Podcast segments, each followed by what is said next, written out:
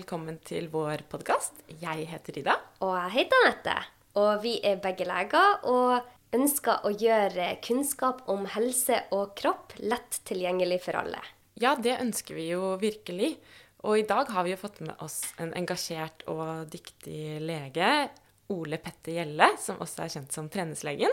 Så det er et spennende intervju, syns i hvert fall jeg. Ja, veldig artig at vi fikk med han som gjest. Han har mye god kunnskap som jeg lærte i hvert fall veldig mye av. Mm, enig. Så, men jeg tenker før vi går over på intervjuet, så skal jeg avlegge litt rapport på hvordan ukens utfordring gikk, Anette. Ja, hvordan gikk det? Du må fortelle hva det var. Ja, det var jo det at jeg skulle spise ulike typer grønnsaker hver dag fem om dagen, og så skulle jeg prøve å få inn én ny grønnsak eh, som jeg ikke pleide å bruke, da. I hvert fall daglig. Ja. Og det, det, det, gikk å spise variert, men det var ikke hver dag jeg hadde en ny sånn En, en ny stjernefrukt. en ny stjernefrukt, for å si det sånn. Det, det endte jo litt i gamle, gamle baner. ja, ja. Det, du prøvde i hvert fall. Ja, og jeg, jeg, jeg, fikk i hvert fall spritet opp litt da med litt nye elementer. ja, det... hva prøvde du? Hva slags nye frukt eller grønt prøvde du? Ja, det ble jo blant annet granateple. Oi, oi, oi! Bra, Ida. Men du, granateple har utrolig mye sunt i seg. Så ja, og det er godt, altså. Ja, det er kjempegodt. Mm. Og så har jeg et triks for hvordan man kan skrelle de. Ja. Har du det trikset? Eh, er, det er det at du skal skrelle de under vann? Nei, men jeg vet ikke om det er så nyttig, men jeg fant det på selv. For at jeg begynte å ta med meg granateple på jobb ja. når jeg var fastlege. Mm. Og det var litt uheldig, for jeg hadde hvite klær, og veldig ofte ja. etter lunsj så var de ja, hadde, hadde, de mange røde flekker på. Det, det så ikke ja. så veldig heldig ut. Nei, det skjønner jeg. Så jeg begynte å ta det i en skål, ja. og så skjærer jeg med en skarp kniv granaple mens den er nedi skåla, for da spruter det på en måte bare rundt kanten av skåla. Ja. Og da kommer det jo utrolig masse sunn, god juice mm. som renner ned i skåla. Ja. Som jeg drikker. Ja. Det er, jo så, det er jo masse næringsstoff der. Absolutt. Så, men før jeg gjør det, det må jeg si, før jeg gjør det, så presser jeg hele granateplet sånn at den blir helt myk. Jeg liksom presser den ned i bordet. Hele veien rundt. For da er det mye lettere å ta ut granateplekornene, eller hva jeg skal kalle det. Ja, ja, ja. Og da vrenger jeg de når jeg er delt i to, vrenger de hver eh, for seg, og så skraper jeg ut de. Da er det kjempeenkelt. Ja, aha. Nei, men det her, det skal jeg teste. Ja. Hæ? Da får du med deg alt. Ja, virkelig. For det er ofte mye som sitter igjen. Det... ja, og det er jo Nei, granateple er godt. Men du, nok om granatepler. Ja. Jeg tenker at uh, vi skal over på intervjuet igjen nå. Yes.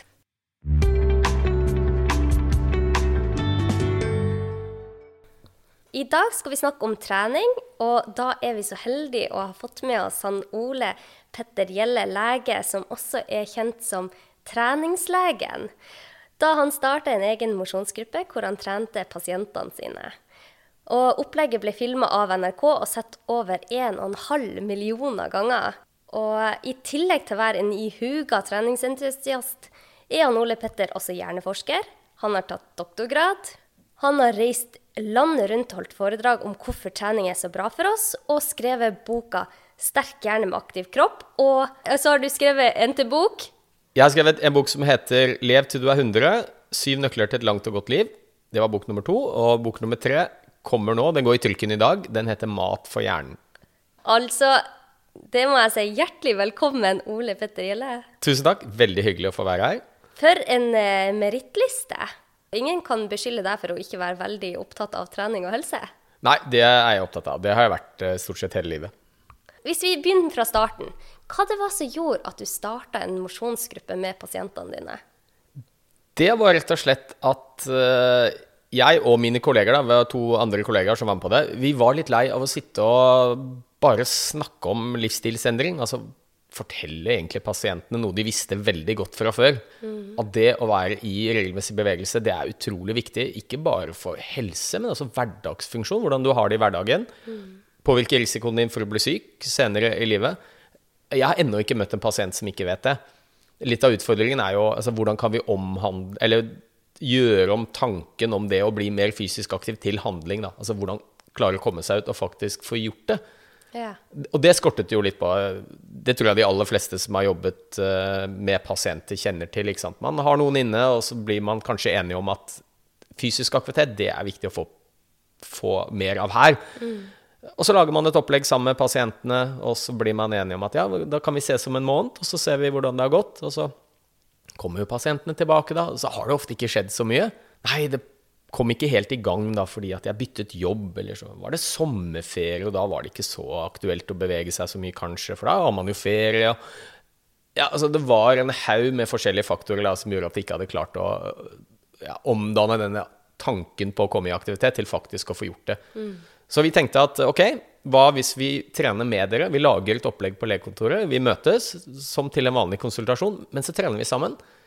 Istedenfor å sitte og prate om livsstilsendring, så, så, så gjør vi det sammen. Og det ble en kjempesuksess. ja. Hvor mange fikk du med? Du, jeg tror vel det har vært 150 stykker til sammen innom i løpet av de fem årene vi har holdt på. Men vi hadde en kjerne på 50 stykker som var der fra starten av, og, og som vi har fulgt opp ganske tett. da, Og gjort en del målinger for å kunne dokumentere og vise at ok, dette er ikke bare noe vi tror, men her, er det, her skjer det faktisk en del helt konkrete endringer i, eh, i helsa til disse menneskene når de beveger seg litt mer i hverdagen. Hva så du? Hva skjedde med disse pasientene? Nei, Kort fortalt, eh, og kanskje det morsomste eh, Vi, vi målte veldig mye forskjellig. Altså vi, vi målte 24 timers blodtrykk. Vi gjorde en sånn basisundersøkelse, da, eller baseline-undersøkelse, før vi begynte, for å kartlegge helsa. Så da målte vi hvor mye de beveget seg, med aktivitetsmålere først. Og så sjekket vi eh, blodtrykk, 24 timers måling, målte eh, lipider, kolesterol, vi målte langtidsblodsukker, eh, vekt, livvidde. Og så gjorde vi en del um, undersøkelser av konsentrasjon, oppmerksomhet, livskvalitet med spørreskjema. 30-35 forskjellige parametere, da. Og så satte vi i gang, og så gjorde vi en del repeterende målinger av alle disse parameterne hver sjette måned. Og iallfall etter ett og et halvt år så så vi jo at for det første så skåret de mye bedre på livskvalitet. Oppmerksomheten var bedre, konsentrasjonen var bedre. Vi, eh, vi fjernet ca. halvparten av alle disse faste legemidlene som pasientene sto på. Oi. Selvfølgelig under kontrollerte forhold, hvor vi fulgte opp målinger eh, ganske hyppig. Så vi fjernet veldig mye antihypertensiva, som vi faktisk måtte gjøre. En del av pasientene begynte å bli veldig svimle når de begynte å trene, for det reduserte jo blodtrykket i tillegg til det medisinen gjorde. Så liksom de sto og holdt seg fast i flaggstangen på toppen av bakken, for de var i ferd med å gå i bakken. Ja, ja. Eh, Fjernet ganske mye statiner, spesielt hos de som hadde fått de primærforebyggende hensikt, da, hvor de kanskje ikke i utgangspunktet hadde noe spesielt høy kolesterol heller. Mange pasienter visste ikke helt hvorfor de sto på disse legemidlene. Dette var pasienter jeg hadde fått fra andre fastleger. Vi hadde akkurat begynt som fastlege. Så vi fjernet mye statiner. Fjernet en del insulin, bl.a. hos eh, diabetes type 2-pasienter, som nå klarte seg og hadde lavere langtidsblodsukker med trening alene enn det de hadde med da de var inaktive og hadde flere legemidler eh, som styrte blodsukkeret. Så ja, rett og slett eh, Vi målte kondisjon, mye bedre kondisjon selvfølgelig, oksygenopptak, og det vet vi jo. Det er jo kanskje det viktigste helseparameteret vi har som kan si noe om risiko for tidlig død og alvorlig sykdom. Altså rett og slett Jo bedre oksygenopptak du har, jo lavere risiko har du for hjerte-karsykdom, eh, utvikle diabetes type 2 osv. ja, er det ikke utrolig? Ja. Og, og så var det jo noe annet som var veldig viktig. Altså Dette var jo godt voksne pasienter. Jeg tror eh, gjennomsnittsalderen var 64 år. Mange av de eh, var enslige. enslige. Noen også litt ensomme. Eh, Og det å få det sosiale aspektet altså Dette ble jo en sånn mosjonsgruppe hvor det var, det var utrolig god stemning. Det var eh, veldig sosialt. Og, og, det, og, og det pasientene sa etter hvert, var jo at vet du hva, denne gruppa det er det jeg gleder meg aller mest til hele uka. Og, og det er ikke først og fremst pga. treningen, men det er jo å treffe alle disse hyggelige menneskene. Å, herregud, så koselig. Ja, og så vet vi jo uh, av, fra forskning at det med sosiale relasjoner. Det å ha gode nettverk, ha mennesker du bryr deg om, og som bryr seg om deg eh, i livet ditt, det er et ganske sånn undervurdert helseparameter. Da. At det er kanskje enda viktigere for å avgjøre hvor frisk du holder deg i løpet av livet, enn trening og kosthold. Det å ha gode sosiale nettverk. Altså, det å være ensom er, er like farlig som å røyke for helsa vår. Mm, ja, det er det. Det er jo Og det har vi snakka om i, tidligere i podkasten, for det, det er jo mange som er ensomme nå. Ja. Så eh, det håper vi at blir en eh, forandring på. Men eh, Ole Petter, du fikk jo veldig mye oppmerksomhet pga. det her. Ble du overraska over at det ble så mye oppmerksomhet eh, på noe sånt? Ja, absolutt. Altså, vi tenkte jo ikke vi skulle få noe særlig oppmerksomhet i det hele tatt. Og det var jo egentlig litt ved en tilfeldighet, fordi jeg bor på et bitte lite sted. Åsgårdstrand. En av Norges minste byer, faktisk. Ja. Og så satte vi i gang, og opplegget vårt var jo utrolig enkelt. Altså, vi, vi gikk oss en liten tur, 10-15 minutter først. Oppvarming, småpratet. Og så gikk vi litt motbakkeintervall. Fant en lokal bakke, og så gikk vi opp og ned. Eh, Noen løp, noen gikk, noen gikk langsomt, til og med med rullator. Oi. Så, og bare gikk så, og hele greia, vi styrte ikke puls eller noe som helst. Vi sa bare nå skal vi gå så vi blir litt slitne. Du skal prøve å bli såpass andpusten at du ikke klarer å holde en samtale med en uanstrengt menneske som går ved siden av deg. Ja. Så det holdt vi på med i 20 minutter, og så hadde vi noen enkle styrke-, balanse- og koordinasjonsøvelser ute. Ikke sant? Knebøy og planken og disse, disse enkle øvelsene uten eh, utstyr annet enn bulke kroppen som motstand. Så tenkte vi at dette kan jo hvem som helst få til. Ja. Men så ble det litt snakkis i lokalmiljøet. Det var mange som lurte på altså, hva, hvem er alle disse menneskene som tusler rundt i gatene tidlig på morgenen med legene på slep. Og så var det tilfeldigvis da en NRK-journalist som bor i Åsgårdstrand, som tipset den lokale redaksjonen i NRK Vestfold Ja. om hva vi holdt på med. Og så kom det en journalist, lagde en sak, og så skulle den egentlig bare være på lokal-TV. En litt sånn feel good-sak. NRK Østlandssendingen. Men så plukket Dagsrevyen den opp og sendte den i beste sendetid. Ja.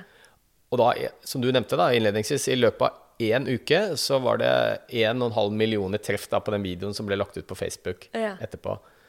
Og så hadde jeg plutselig blitt treningslegen.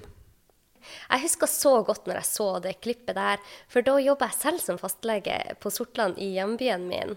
Og eh, akkurat da drev jeg med et sånt høyst uoffisielt eh, forskningsprosjekt med mine pasienter der jeg fulgte ti stykker, da. Det var ikke store skalaen, men jeg fulgte disse hver eh, måned i seks måneder, og de kom inn for helt forskjellige problemstillinger. En kom med kneproblemer, en kom med soppinfeksjon i munnen, tredje kom med høyt blodtrykk. Så tenkte jeg nå skal jeg se om, hvis jeg kan hjelpe dem å se om eh, de kan bli bedre uten medisiner. Så da hjalp jeg dem i hovedsak med kosthold og hadde fokus på det, men så hadde jeg jo òg fokus på trening og søvn og stressmestring. Men jeg begynte med kostholdet, for jeg tenkte man må bare begynne på én arena om gangen. Og det jeg syns var så artig, var jo at ikke bare ble alle ti mye bedre fra det de slet med, men de fikk det så mye bedre med seg selv. Og det syns jeg var så motiverende. Så etter de seks månedene så fortsetter jeg med andre, men jeg klarte ikke å følge de i like stor grad som de første ti. Men jeg fortsatte dette prosjektet. Og det jeg så, var at når jeg fokuserte på ett område, sånn som kosthold, så begynte de selv å fokusere på disse andre områdene. Og mange av de begynte å trene på eget initiativ. Og da lurer jeg på, var det sånn med deg at du så at når de begynte å trene, så begynte de kanskje òg å spise sunnere? Absolutt. Ja, og det er veldig interessant, for vi hadde samme tankegang eh, hos oss. da, At eh, det, er jo mange livsstilsfaktorer du kan påvirke. Eh, som, som er bra for helsa. Vi snakker om søvn, vi snakker om kosthold, det kan være alkohol, det kan være røyking, det kan være trening. Ja.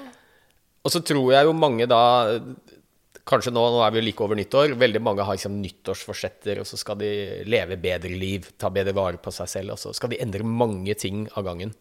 Og det er ganske tricky. Så, så vi var veldig opptatt av at nå skal vi fokusere på fysisk aktivitet. Det vet vi er viktig. Det hadde pasientene et ønske om å gjøre noe med. Og så skulle vi egentlig ikke snakke så mye om alle de andre tingene. Men vi gjorde bl.a. en kostholdsregistrering av pasientene Ja. før de begynte. Men vi snakket ikke noe om det, annet enn at vi gjorde kartleggingen, og så begynte vi å trene. Og så gjorde vi ny kostholdsregistrering noen måneder senere. Og det vi så da, var jo at pasientene spiste jo mye sunnere. ja.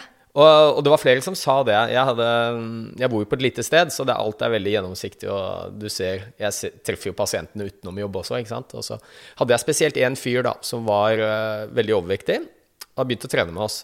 Han hadde ganske uheldig kosthold. Jeg så han stort sett hver dag på Circle K. ja. Um, og da spiste han alltid en grillpølse med rekesalat og fullt tilbehør. tilbehør. Og så traff jeg han noen måneder etter vi hadde begynt uh, treningsgruppa. da. Og da sto han også på Circle K, for der hang han hver dag. ja. Og så sa jeg litt sånn fleipete Men du, nå, hva er det som har skjedd med grillpølsa di? Skal du ikke ha det i dag? Så jeg, nei, men herregud, jeg har jo blitt treningsmann. Jeg, det passer jo ikke for en treningsmann å spise sånn mat. Jo, men altså, det var noe vi så da. Egentlig ganske ubevisst også, så hadde mange begynt å ta bedre kostholdsvalg. Ja. Uh, og det er litt uh, interessant, for det, det, tyder jo på at liksom én god livsstilsvane kan fort avle en, ny en også. Ja, det var det jeg også så. Ja, ja, og det var helt åpenbart. Uh, og så var det en del pasienter som sa det, vet du hva, jeg er i mye bedre humør jeg nå. Og, og, det jeg pleide å gjøre, var at jeg, jeg trøstespiste mye. Ja.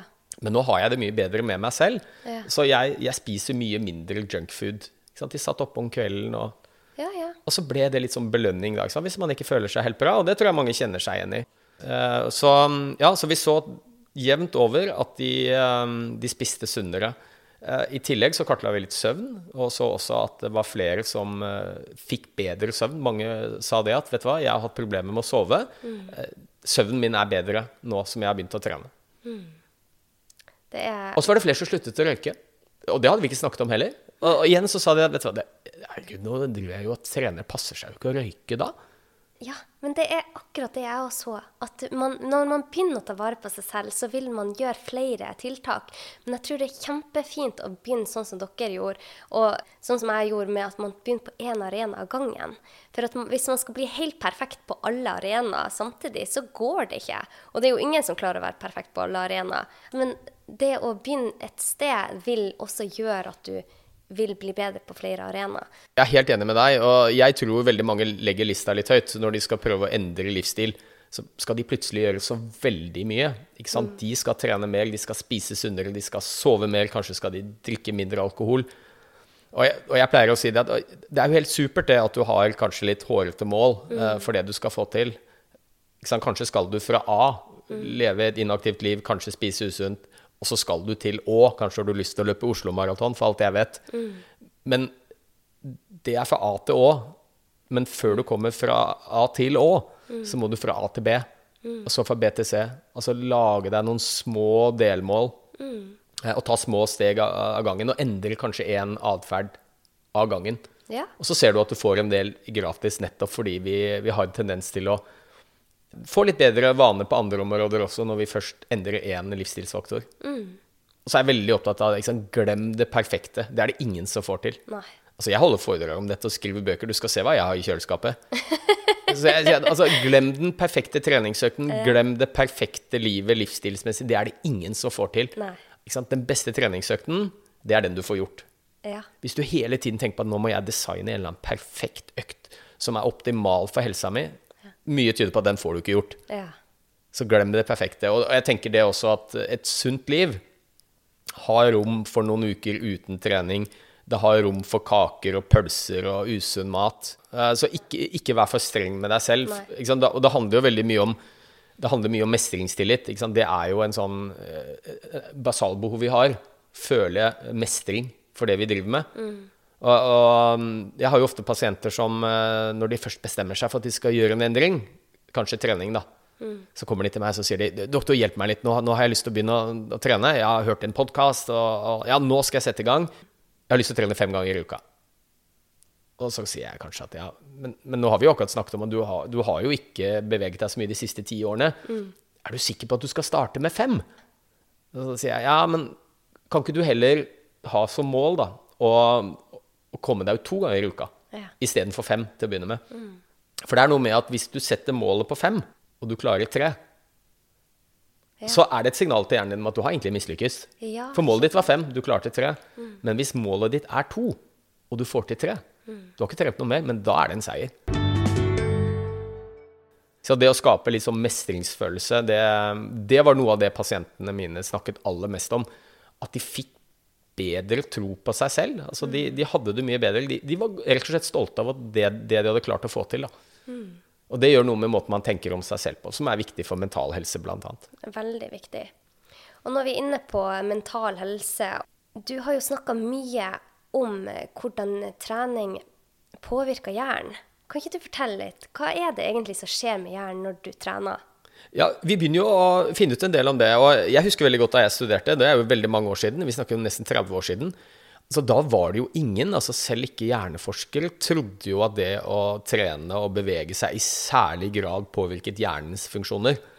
Vi visste veldig godt om hva det gjorde med kroppen vår. Og så, så skjedde det en, egentlig en revolusjon på slutten av 90-tallet. For da tok vi i bruk veldig avansert medisinsk teknologi. eh, Funksjonell MR og PET-skannere. Hvor du kunne i gjennomlyse hjernen hos levende mennesker.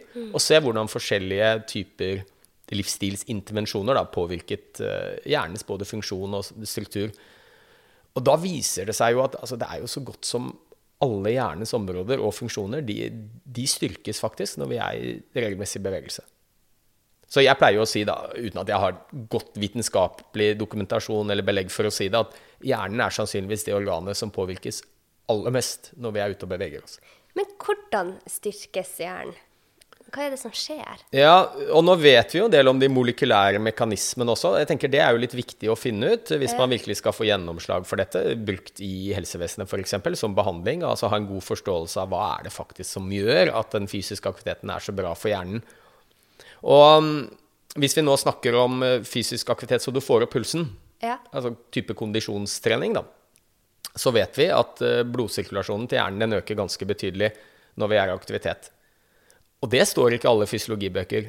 Jeg husker veldig godt da jeg studerte, så var det sånn at ja, men vi har autoregulering av blodtilførsel til hjernen, sånn at uh, blodtilførselen til hjernen er ganske uavhengig av om du sitter stille eller om du beveger deg. Men i dag så vet vi at du kan faktisk øke blodsirkulasjonen med rundt 30% Ja, det er mye. det er ganske mye ved å være i fysisk aktivitet. Og når du øker blodsirkulasjonen, så skjer det en del kjemiske ting inni hjernen. Og vi tror faktisk at det kanskje begynner med laktat. Altså melkesyre, som vi ofte tenker på som et avfallsprodukt, som gjør at vi blir stive i muskulaturen når vi løper fort. Og, men det er også veldig viktig energisubstrat eh, for hjernen. Så laktat krysser eh, blod-hjerne-barrieren. Og så vet vi bl.a. at det dannes noen vekstfaktorer da, på bakgrunn sannsynligvis av laktat. Bl.a. noe som heter BDNF, som Brain Derived Neurotrophic Factor, Ja. som jeg pleier å kalle hjernens gjødsel, Ja. eh, som gjør at vi styrker forbindelsene mellom nerveceller. Altså det påvirker rett og slett dannelsen av synapser. Ja. Det gjør nervecellene mer robuste, altså de tåler mer før de dør. Og så kan det til og med stimulere til nevrogenese, altså nydannelse av nerveceller. Og det er riktignok i relativt beskjedent omfang, så vi taper jo fortsatt flere nerveceller hver dag enn det vi kan lage nye. Men det er vist både hos dyr og hos mennesker at eh, den nevrogenesen den, eh, den er aktiv hele livet. Man har sett på obduksjonsmateriale av godt voksne mennesker. Og så har man jo i dag fargemetoder som kan si noe om alderen på de nervecellene vi har. Ja. Eh, Og da ser du at selv hos 80-90 år gamle mennesker så kan man finne relativt unge nerveceller i hippocampus som er blitt nydannet i løpet av det siste leveåret, kanskje, Ja. deres. Så, um, ja, Og så er det en del andre vekstfaktorer som skilles ut, bl.a. noe som heter VEGF. Vascular Endothelial Growth Factor, som øker blodsirkulasjonen til hjernen. Og en del andre faktorer også, som er med på å styrke nervecellenes funksjon. Har man sett på hva det gjør med For du har jo snakka mye om eh, depresjon og skrevet et kapittel om det i boka di. Hva er det som skjer med hjernen når du trener under depresjon? Vet man det? Ja, Tenker du på uh, hvorfor blir man bedre av trening ved depresjon? Ja. Ja, det er jo fortsatt en del ting vi ikke helt vet. Vi vet i observasjonsstudier at det å være i regelmessig fysisk aktivitet, det er en av de viktigste tingene vi kan gjøre faktisk for å forebygge depresjon. Tenk det. Eller sagt på en litt annen måte, bl.a. den store Høns-studien oppe i Nord-Trøndelag har jo vist veldig godt at en av de viktigste risikofaktorene, sannsynligvis den viktigste risikofaktoren som vi kan påvirke når det gjelder depresjon, det er inaktivitet. Og den store studien der viste jo at eh, én treningsøkt i uka reduserte sannsynligheten for å utvikle depresjon i løpet av en åtteårsperiode hos disse forsøkspersonene med, rundt 45% Og det er jo helt fantastisk. Det er jo ikke noe legemiddel som gjør det. Nei, og dette er så viktig å få ut. Ja. For at jeg tenker at eh, hvis flere vet dette, så er det kanskje Får man litt mer motivasjon da til å komme seg ut. Én dag i uka. Absolutt, det er overkommelig for folk flest. Ja. Så, så tilbake til disse molekylære mekanismene. Jeg tror det er flere ting, og noe er relativt godt eh, dokumentert. Det har jo vært veldig mye fokus eh, når det gjelder depresjon. Altså hva er patogenesen her? Altså hva er det som skjer inni hjernen hos de som er deprimerte? Og det har vært veldig mye fokus på denne eh, katekolamin-hypotesen, altså at det er en ubalanse i viktige kjemiske stoffer. Eh, kanskje primært serotonin. Mm. At det er litt for lite serotonin i en del av synapsene i hjernen. Og, og, og det er bl.a. derfor vi bruker disse SSRI, eller såkalte lykkepillene mye behandling, for de øker mengden serotonin i synapsespalten. Mm. Og så har jo veldig mange av de som jobber klinisk med depresjon, stusset litt over at uh, effekten av disse serotonin-selektive reopptakshemmerne, som de da heter på fagspråket, det tar ganske lang tid før de virker. Mange opplever at det kan ta tre-fire uker før medisinen eventuelt har en effekt mot depresjonen. Mm. Og det er jo litt rart hvis du tenker at eh, det er mengden serotonin som er årsaken til depresjonen. For serotoninmengden øker ganske umiddelbart etter du har tatt disse pillene. Mm. Så hvorfor tar det tre uker før det hjelper? Og så har man gjort en del undersøkelser biokjemiske da, av hjernen hos eh, deprimerte bl.a. Og så viser det seg da at en av de tingene man finner konsekvent, det er at de som lider av depresjon, har veldig lite av dette BDNF. Hmm. Brain Derived Neurotrophic Factor, som jeg snakket om i sted. Det vet vi, det øker markant ved trening. Ja. Og så viser det seg også at disse lykkepillene, hvis vi kaller det det, da, eh, de øker også mengden BDNF.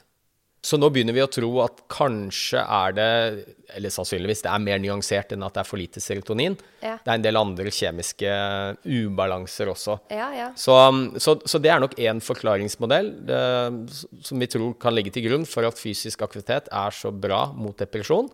Rett og slett en del av de kjemiske endringene som skjer, bl.a. at vi lager mer av denne kritiske vekstfaktoren BDNF. Og så er det jo en del andre kjemiske stoffer vi skiller. Dopamin, f.eks. Ja. Vi skiller ut endorfiner, endokannabinoider, eh, som også påvirker humøret vårt. Så det ene er, sant, er, den kjemiske prosessen og alle disse stoffene som er, påvirker humøret vårt i positiv retning når vi trener. Jeg tror vel også at det er en del andre ting som spiller inn. Eh, og, og, det ene er jo sant, måtene vi tenker om oss selv på. Mm. For det er noe med å Det å sette i gang å komme seg ut, bevege seg, da mot depresjon, da, så blir du litt din egen terapeut. Det blir fort gjort at, og det er en del pasienter som har fortalt meg også, at de føler mye mer tilfredsstillelse av å bruke trening og bevegelse som behandling mot sin depresjon, enn det å ta en pille. Mm. Du blir litt sånn tilskuer i ditt eget liv, kan fort bli det. En pasient sa det. Jeg føler meg litt som en tilskuer i mitt eget liv. Det er disse pillene som skal fikse meg det føles mye bedre for min egen selvtillit og mestringsfølelse, det å kunne være min egen terapeut, komme i gang, begynne å trene. Altså, de blir stolte av seg selv. Mm. Og det endrer litt måten vi ser på oss selv på. Eh, og så vet vi jo at mange av de som sliter med depresjon, mange iallfall har litt redusert mestringstillit, altså troen på egne iboende evner og ferdigheter. Og, så det å trene kan gi den ekstra mestringstilliten som også påvirker mm. depresjon positivt. Og så er det jo tredje element, og det er jo at uh, kropp og sinn det er jo ikke to atskilte siloer. Og vi vet jo veldig godt at mange av de som er deprimerte, de sliter med andre plager også. Uh, type muskel-skjelettplager, det er overhyppighet, det er hjerte-karsykdom. Av andre, kall det fysiske sykdommer, da, hvis vi skal bruke den betegnelsen. Uh, og, og, de, jo, altså de opplever mindre smerte, mindre muskel-skjelettplager. De reduserer risikoen for hjerte-karsykdom. Mm. diabetes type 2 som også spiller inn. ikke sant? Det er klart at Hvis du er deprimert, og så har du mange andre fysiske plager i tillegg, så vil jo det sannsynligvis forverre depresjonen din. Så det er mange elementer her da, som gjør fysisk aktivitet eh, til et veldig bra verktøy. Ja, og jeg liker veldig godt at du sier at det er mange områder, for at alt i kroppen henger jo sammen. Og det ene påvirker det andre. Så det er klart at man kan Jeg tenker heller ikke at man kan måle bare med én måling, altså kun serotonin eller kun BDNF. Det er som regel flere faktorer som er med på å påvirke. Og det er det som er så fint, da, for trening påvirker så mange områder samtidig. Så det er jo ingen tvil om at uh, trening er bra for oss. Og det får du jo så veldig godt fram. Det øker jo intelligensen, du får bedre hukommelse, du får mer kreativitet, det gir oss et friskere liv, det reduserer risikoen for depresjon, som du har vært inne på, hjerte-karsykdom og demens. Og Helsedirektoratet anbefaler jo at oss voksne og eldre trener ca. 30 minutter med moderat intensitet fem dager i uka. Eller 75 minutter i uka med høy intensitet, eller en kombinasjon, da. Og for unge så er det 60 minutter hver dag i aktivitet. Men det er jo bare 32% av Norges befolkning som klarer dette. Hvorfor tror du det er sånn? Ja, Veldig godt spørsmål. Eh, jeg pleier jo å si at tenk deg om fysisk aktivitet hadde vært en pille. Ja. Da hadde vi tatt den alle sammen. Nettopp. Da hadde det vært eh, nærmere 100% av befolkningen som hadde tatt denne pillen. Hvis du kunne få akkurat de samme helsegevinstene ved en pille Det får du jo selvfølgelig ikke. Det finnes ikke én pille som gjør alt det fysisk aktivitet gjør. Nei, hvorfor er det sånn? Det er jo det store paradokset, da.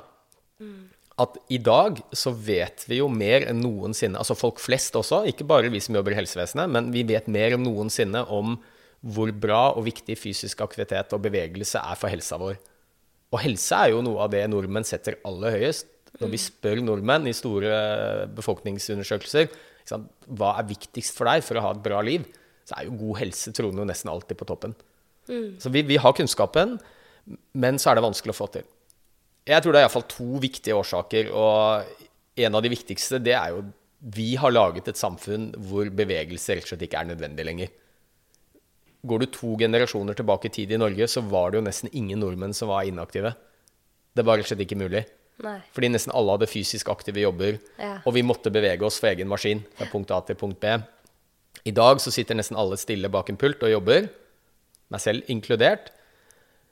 Og i tillegg så har vi alle mulige moderne hjelpemidler for å komme oss fra punkt A og punkt B. Vi, altså, vi trenger nesten ikke å bevege oss. Vi har selvfølgelig biler og heiser og rulletropper. Vi har til og med robotstøvsugere, så slipper vi å støvsuge hjemme. Vi har eh, elektriske gressklippere, altså som ja, geiter som går rundt i, i hagen og jobber for oss. Så det tror jeg er en viktig del. Altså, vi har et samfunn som er tilrettelagt for inaktivitet. Ja. Ja. Men allikevel så er det jo mange som vet at det er viktig å bevege seg. Hvor, hvorfor gjør de ikke mer av det i hverdagen? Og, og vi kjenner jo alle til dette med dørstokkmil. Og den snakker vi jo mye om. Og jeg er veldig glad i å trene, men mange dager så er det et ork å komme seg ut. Så jeg tror vi opplever den dørstokkmila alle sammen. Og jeg pleier å, istedenfor å kalle det dørstokkmil, så pleier jeg å kalle det den late hjernen. Altså, jeg mener jo det. Eh, vi har en hjerne som er lat. Og da pleier jeg å si at vi må skue til evolusjonen for å forstå det konseptet. Og det er jo at sant, våre første forfedre på savannen for hundretusenvis av år siden, de var jo veldig fysisk aktive. Fordi de måtte være det. Så du måtte løpe etter ville dyr for å fange din egen mat. Du måtte flykte fra fiender. Altså Var du skadet eller syk på savannen og ikke kunne løpe, da levde du ikke lenge. Da sultet du i hjel, eller så ble du drept av et eh, vilt dyr.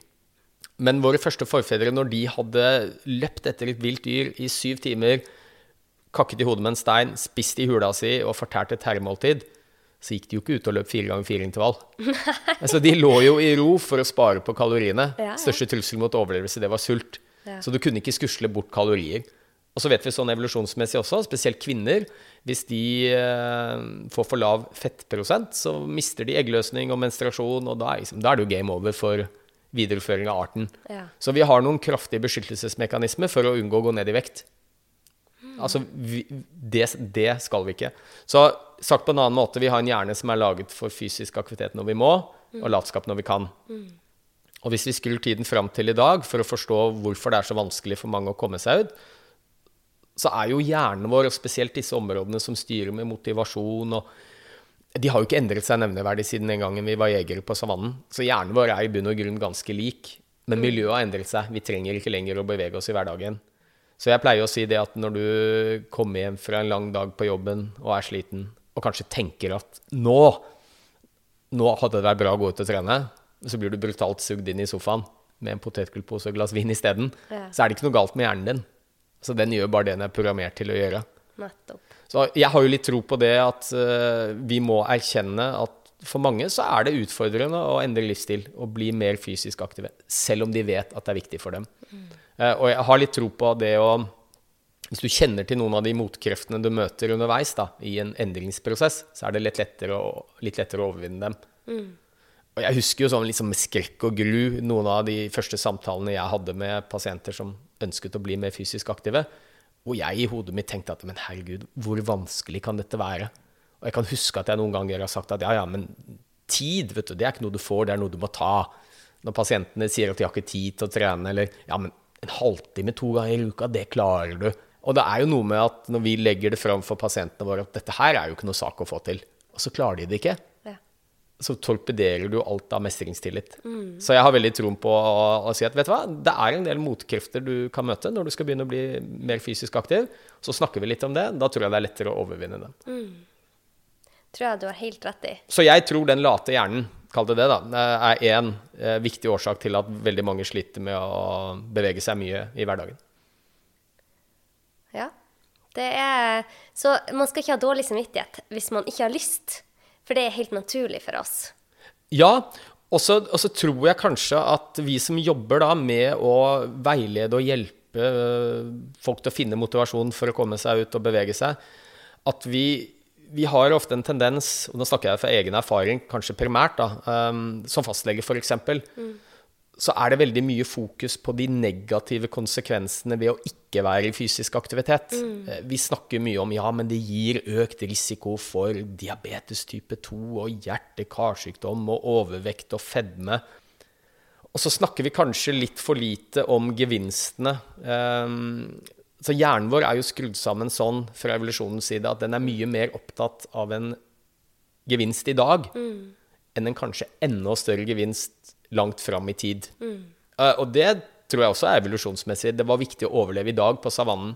Det var ikke noe vits å tenke tre måneder fram i tid. Da, da overlevde du ikke i dag. Ja. Ikke? Så vi har en tendens til å fokusere på en umiddelbar gevinst i dag heller enn en større gevinst langt fram i tid. Så istedenfor å kanskje fokusere på at ja, men hvis du begynner å trene litt, så kanskje så reduserer du risikoen for et hjerteinfarkt eller demens. Altså, Mange av de jeg snakker med, de vet jo ikke hva de skal neste helg engang. De tenker jo ikke hva som skjer om ti år. Ja, ja, ja. Og dette er jo litt interessant, for det går jo på, eh, helt på tvers av fagområder. Det er jo den samme grunnen til at veldig mange sliter med å spare til pensjon. ja. Og det er jo fordi at de vet jo veldig godt at det er viktig å ha litt penger når du blir pensjonist. Men det er veldig behagelig å ha penger i dag og bruke de. Det gir jo en belønning i dag. Og så tenker vi ikke på den enda større gevinsten ved å spare. Og sånn er det nok litt med fysisk aktivitet også. Eh, Så jeg prøver å si at la oss heller fokusere på de gevinstene du får umiddelbart når du går ut og beveger deg litt. Og hva er de? Nei, og da snakker vi jo gjerne om det som skjer i hjernen, da. Ja. Eh, Og det tror jeg på et intuitivt plan veldig mange vet. At det å komme seg ut, det gjør noe med energinivået vårt, det gjør noe med humøret vårt. Ja. Så jeg snakker mye om det, da. Og, og be pasientene være litt sånn bevisste på det. Tenk deg litt eh, Hvordan følte du deg etter at du hadde tatt den gåturen? Og da sier de jo jo, men jeg følte meg jo Jeg følte meg Jeg hadde mer energi. Jeg var i mye bedre humør. Jeg opplevde at jeg hadde bedre konsentrasjon og oppmerksomhet. Så jeg prøver å snakke mye om det. da. Fokusere på de umiddelbare gevinstene som du får i dag når du kommer deg ut. Få litt bedre kondisjon, orke mer i hverdagen. Istedenfor å tenke på at risikoen din for å få Alzheimers demens er redusert med 45% Ja. Det skyver vi langt foran oss uansett. Så fokuser på det umiddelbare. ja, og da er vi inne på hva er det beste tipset du har for å komme i gang med trening? Får jeg bare lov til å gi ett tips? Eller får jeg lov til å gi flere? du kan gi mange. Nei, altså det aller beste tipset mitt, det er å, å kanskje tenke over at eh, det er veldig mye eh, aktivitet som gir en eh, betydelig helsegevinst som vi ikke tenker på som trening. Altså du må ikke løpe, du må ikke sykle, du må ikke svømme. Altså helsegevinstene, både for kroppen og hjernen, er så godt som uavhengig av hva du gjør, så lenge du blir litt sliten. Så der sier jeg til pasienten at ja, men du behøver ikke treningstøy. Altså, jobbe i hagen, dans, oldboys fotball, spille squash med komp... Altså, mye av det som vi egentlig ikke tenker på som trening, da. Ja, ja. Det gir en betydelig helsegevinst. Så jeg har jo veldig tro på å prøve å finne noe som gir deg noe som du liker. Som du finner en glede ved å drive med. Fordi at hvis du hater å løpe, ja, så klarer du sikkert å holde deg til et løpeopplegg i noen uker. Men eh, så brister det, og så blir du lei. Så, så finn noe du syns er litt gøy. Mm. det tror jeg er kanskje det aller viktigste. To, det er jo å gjøre det gjerne sammen med noen andre. Og det syns jeg er spesielt interessant. Det er det jo en del studier som tyder på at hvis du ønsker å endre livsstil, bli mer fysisk aktiv, så dobler du sannsynligheten for å lykkes hvis du gjør det sammen med noen andre. Eh, og, det, og det er jo mye sannsynligvis fordi det blir litt mer forpliktende. Og det kjenner vi jo sikkert til. ikke sant? La oss si at du har bestemt deg for en treningsøkt på morgenen. Eh, du setter alarmen på halv åtte. Så skal du ut og jogge deg en tur før du skal på jobb. Ja. Så er det bikkjekaldt ute, det er godt og varmt under dyna. Selv om du var jækla motivert da du la deg, så er den motivasjonen ganske borte når du ligger under dyna. Og da er det fort gjort å trykke på slumreknappen. Men har du en avtale med en venninne eller kompis som står på gatehjørnet og venter på deg, så kommer du deg ut. Ja. Og så er det en del interessante studier, spesielt på de gode effektene på hjernen da, ved å være fysisk aktiv, at du får en enda større, kall det kjemisk belønning i hjernen din når du trener sammen med noen, enn om du gjør det alene. Og det handler nok litt om at vi er flokkdyr. Ja. Det å være alene på savannen, det opplevdes som truende. Det, det var farlig, rett og slett. Og, og vi har jo mye overlevd som art fordi vi begynte å samarbeide og opptre i flokk. Så mye tyder på at belønningen for hjernen blir større når vi er flere sammen. Så både blir mer forpliktende, lettere å komme seg ut, og så får du kanskje enda større helsegevinst på hjernen når du trener med noen andre. Og der har jeg en veldig god egenerfaring. For vi flytta hit i fjor, til denne gata. Og i denne gata så er vi så heldige at vi har en eh, fyr som heter Bjørn.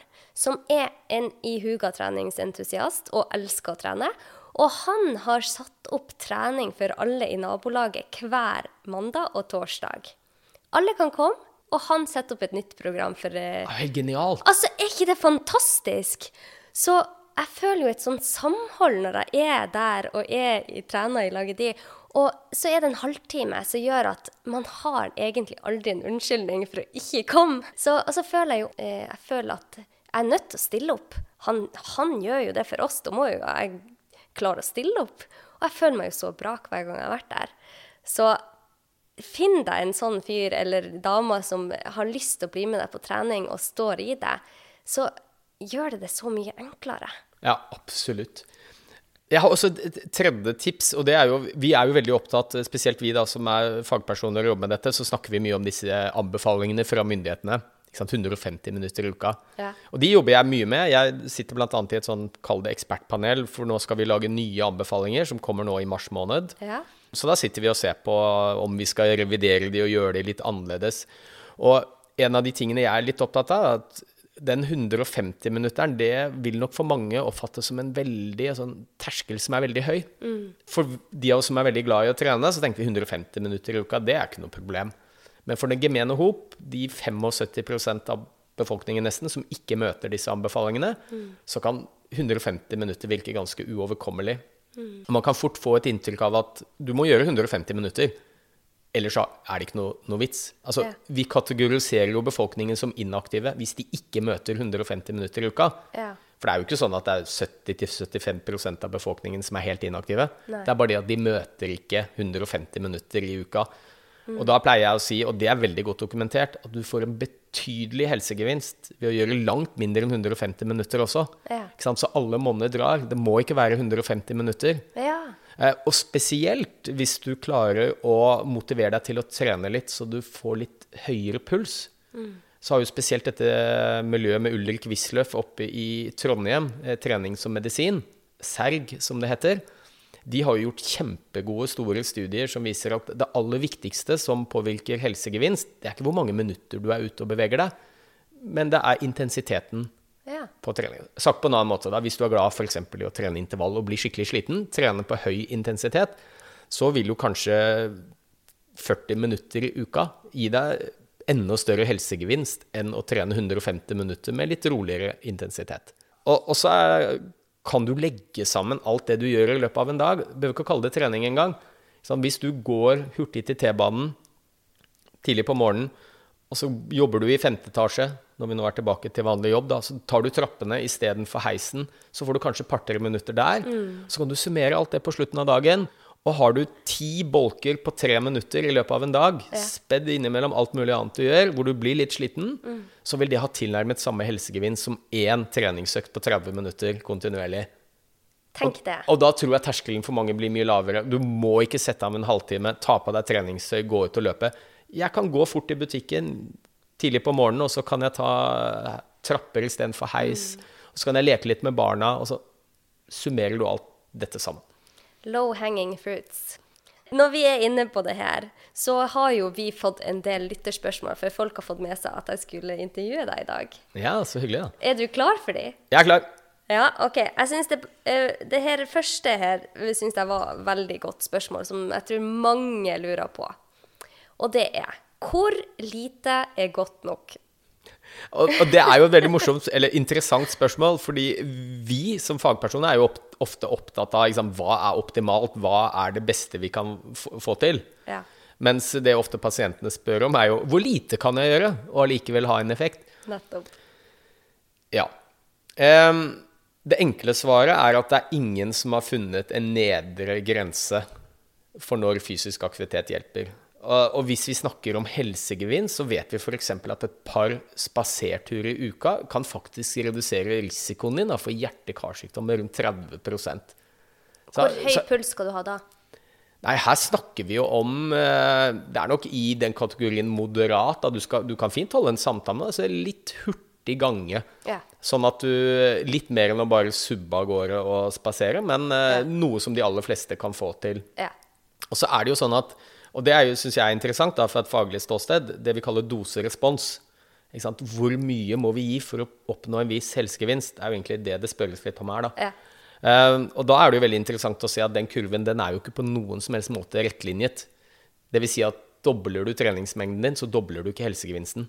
Nei. Den aller største helsegevinsten den får du når du går fra å gjøre ingenting til litt. Ja. Og litt kan være en spasertur eller to i uka. Da er du virkelig i den bratte delen av kurven. Så, og det er jo umulig å gi noe helt presist svar, men jeg pleier å si at hvert eneste steg teller. Altså selv en spasertur eh, til butikken i uka mm. er betydelig bedre enn å gjøre ingenting. Og så blir det jo gjerne sånn at hvis vi starter litt forsiktig og finner litt glede ved det, så er det lettere å øke litt etter hvert. For det er jo faktisk sånn at jo mer du trener, og jo høyere intensitet, jo større helsegevinst. Men kurven flater ganske godt ut, altså. Ja. Så, um, så sånn for folk flest så vil det jo på et eller annet tidspunkt ikke være Altså gevinsten står ikke helt i forhold til den innsatsen du legger ned, da. Nei. Så et av de spørsmålene jeg ofte får, som ligner litt på dette, er liksom, liksom Hva er minimum av hva jeg bør gjøre for å få en reell og skikkelig helsegevinst? Um, da pleier iallfall jeg å si, og det tror jeg jeg har ganske god dokumentasjon i forskningslitteraturen for å si, at hvis du f.eks. da klarer tre ganger i uka, en halvtime hver gang, Ja. så du blir litt svett og andpusten, Ja. uansett hva du gjør, så henter du kanskje ut 90% av alle helsegevinstene ved å være i fysisk aktivitet. Både Oi. for kropp og hjerne. Så det er mindre som skal til enn det vi har trodd. Mm. Så det er et av mine litt sånn kjepphester. Ikke, ikke bry deg for mye om disse 150 minuttene i uka hvis du har vært helt inaktiv. Det kan virke helt uoppnåelig. Mm. Du får en virkelig reell og betydelig helsegevinst med langt mindre også. Det er jo kjempemotiverende. Spesielt hvis du orker å bli litt sliten. Og jeg har en del pasienter som sier det. Å, men så flott at du sa det, for jeg har ikke noe mot å trene hardt, jeg. Det syns jeg er ganske fint. Men jeg orker ikke 150 minutter i uka. Nei. hvis du orker å bli skikkelig sliten, så kan du se at kanskje holder du med 40 minutter i uka. Ja. Så får du akkurat samme helsegevinst som 150 minutter med litt roligere aktivitet. Så det er utrolig mange muligheter, da. Ja, og når vi sier det, så er det jo sånn at jo mer du trener, så er det jo mange som blir mer og mer avhengig av det. Så det var en lytter som spurte hvordan kan jeg bli avhengig av trening?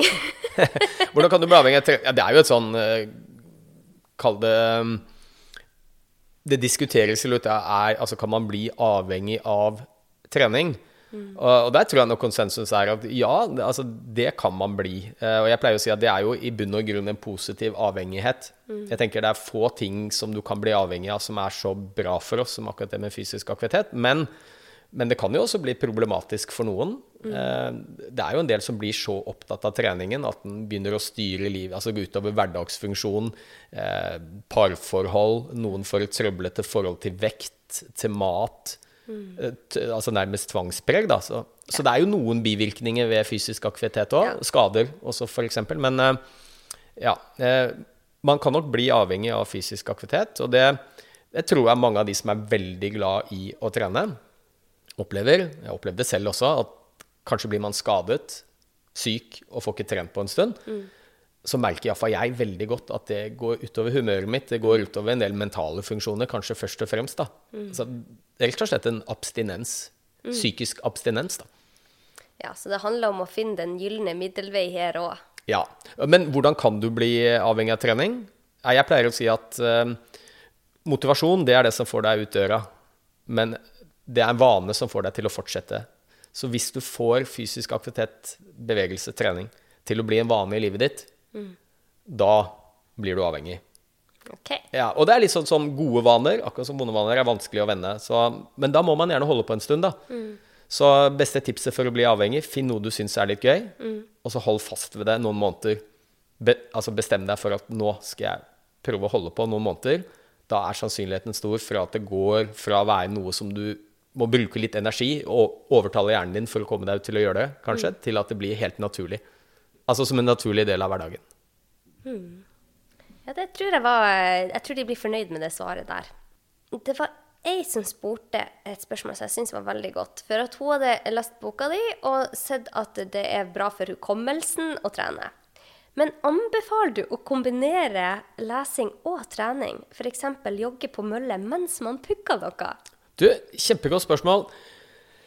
Jeg, eh, jeg skal prøve å la, ikke lage svaret altfor langt, men eh, det, det korte svaret er iallfall ja. Eh, og- der har vi gjort en del studier, bl.a. er det gjort en del på skolebarn. Hvor vi ser at dette konseptet med aktiv læring, det er jo liksom på vei inn i skolen nå, hvor man prøver å få mer bevegelse i hverdagen til skolebarn. Eh, hvor mye av den klassiske klasseromsmodellen er blitt erstattet, bl.a. i den kommunen jeg jobber, Horten med det vi kaller aktiv læring, hvor barna f.eks. har mattestafett eller norsk rebus. Altså de lærer mens de er i bevegelse. Eh, og der eh, tyder studiene ganske tydelig på at ja, vi lærer bedre, vi har bedre hukommelse eh, når vi prøver å lære noe mens vi trener. Mens vi er i aktivitet. Men det er veldig intensitetsstyrt, eller basert, da.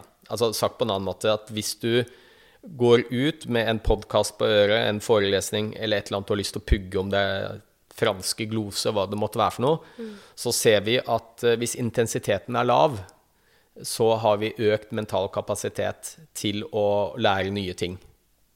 Men hvis intensiteten blir for høy, altså hvis du f.eks. skal prøve å, å- lære deg noe via en lydbok, og du løper intervall eller sykler intervall, så kan det ha helt motsatt effekt. Og det handler nok litt om altså rett og slett mentale ressurser skiftes litt. Ja. Når du skal drive med noe med veldig høy fysisk aktivitets... Altså høy intensitetsnivå, da. Da vil en større del av dine mentale ressurser være påkrevd for å sant, holde farten og intensiteten oppe, følge med på terrenget, eh, en del sånne ting, da. Så ja, eh, bevegelse med lav intensitet viser seg å styrke spesielt evnen til å lære og hukommelse. Så hør på denne podkasten mens du går en tur. Det vil være bra. Ja, absolutt.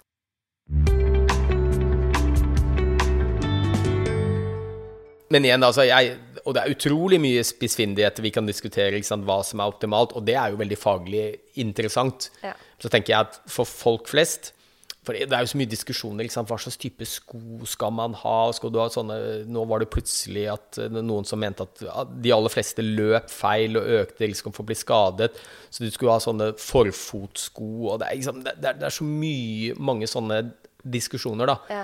Og da tenker jeg at for mange så gjør det bare terskelen for å komme i gang enda høyere. Altså, det store folkehelseproblemet i Norge er jo ikke at vi lander feil på foten når vi løper. Nei. Det er jo at vi kommer oss ikke ut. Ja. Så derfor er jeg veldig opptatt av å, å snakke mye om at ikke bruk altfor mye energi på hva som er helt optimalt. For da gjør det det mye vanskeligere å få gjennomført det. Den beste økten for deg, det er den du får gjort. Ja.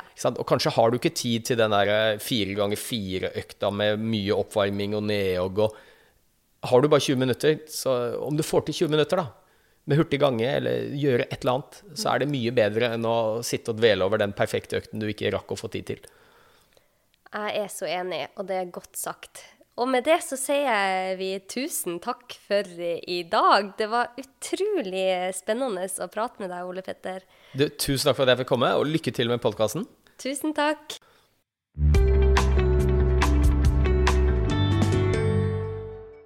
Ja, Ida, hva syns du? Det her syns jeg var så lærerikt, og han går inn på mange temaer her som jeg syns er veldig interessant, i hvert fall. Det jeg syns var veldig lærerikt med denne episoden, var at jeg skjønte at jeg må heller være fornøyd med det jeg klarer, enn å hele tida tenke på at jeg burde ha klart mer. Ja, enig, og jeg syns det var fint at han også går inn på det der at det er ikke alltid de hardeste, tøffeste treningsøktene som skal til da, for å få god effekt. Og det, det er sånn åh, ja, det tror jeg mange har godt av å høre. Ja, ja, ja. Meg selv inkludert. Mm, enig. Så, og så syns jeg det var veldig artig det han sa, at hvis du skal endre livsstil, gjør det med noen andre, for da dobler du sjansen for at du klarer det. Og det inngår jo i veldig mange arenaer i livet. Så Ja. ja, vi, vi mennesker er flokkdyr. Ja, det er vi jo. Og jeg syns også det var, eh, det var fint det dere kom inn på det der at når du begynner med én endring i livet ditt da, som er godt for deg, så endrer du kanskje andre områder av livet også, da, til det positive. Så at det blir en sånn eh, snøballeffekt som er eh, bra for deg, Ja. det, det syns jeg var veldig fint. Ja, nei, så det var veldig artig. Og eh, hvis dere har lyst å eh, få med dere bøkene hans, så er de til salgs i alle eh, bokforretninger rundt om i landet. Mm. Og på nett. Og på nett. Og han har utrolig mange gode foredrag. Jeg var med på et webinar av han i fjor, og det var veldig spennende. Så eh, da sier vi bare takk for oss i dag. Det gjør vi. Men eh, forresten, det gjør vi ikke, fordi det er jo ukens utfordring til deg, Anette. Oi! Den prøvde å snike deg unna. så så det, det blir jo litt episoderelatert utfordring i dag også. Ja. Så du kan jo tenke deg, uh, gjette deg nesten til hva det skal, skal um, bli. Eh, men det er jo i hvert fall eh, at du skal prøve å få trent fem dager i uken i 30 minutter. Og ikke, ikke trent, men fysisk aktivitet. Gå tur Ja. eller bevege deg eller sånn. Ja, Ja. Og, og det har jeg skjønt etter det intervjuet, at det trenger ikke være så intensivt. Nei. Ja, men det er greit. Det skal jeg klare fem dager i uka. Kjempebra utfordring i dag, og da håper jeg at kanskje dere som hører på, også tar den utfordringa. Mm, ja, det hadde vært fint. Jeg skal nok eh, kanskje prøve å slenge meg på. Ja. Nei, men Da sier vi tusen takk for oss i dag, og takk for at du hører på oss. Hvis du vil eh, lytte videre, så kan man trykke på abonner. Og vi er jo en bitte liten podkast, så det hjelper kjempemye om man rater. Absolutt, det gjør det. Og så hvis dere har noen spørsmål eller tilbakemeldinger, så er det bare å sende oss en mail på legeromlivet.gmail.com. Så finner dere oss også på Instagram og Facebook og kan kontakte oss der. Så ønsker vi dere en herlig uke videre. Ha en kjempefin uke. Ha det bra! Ha det.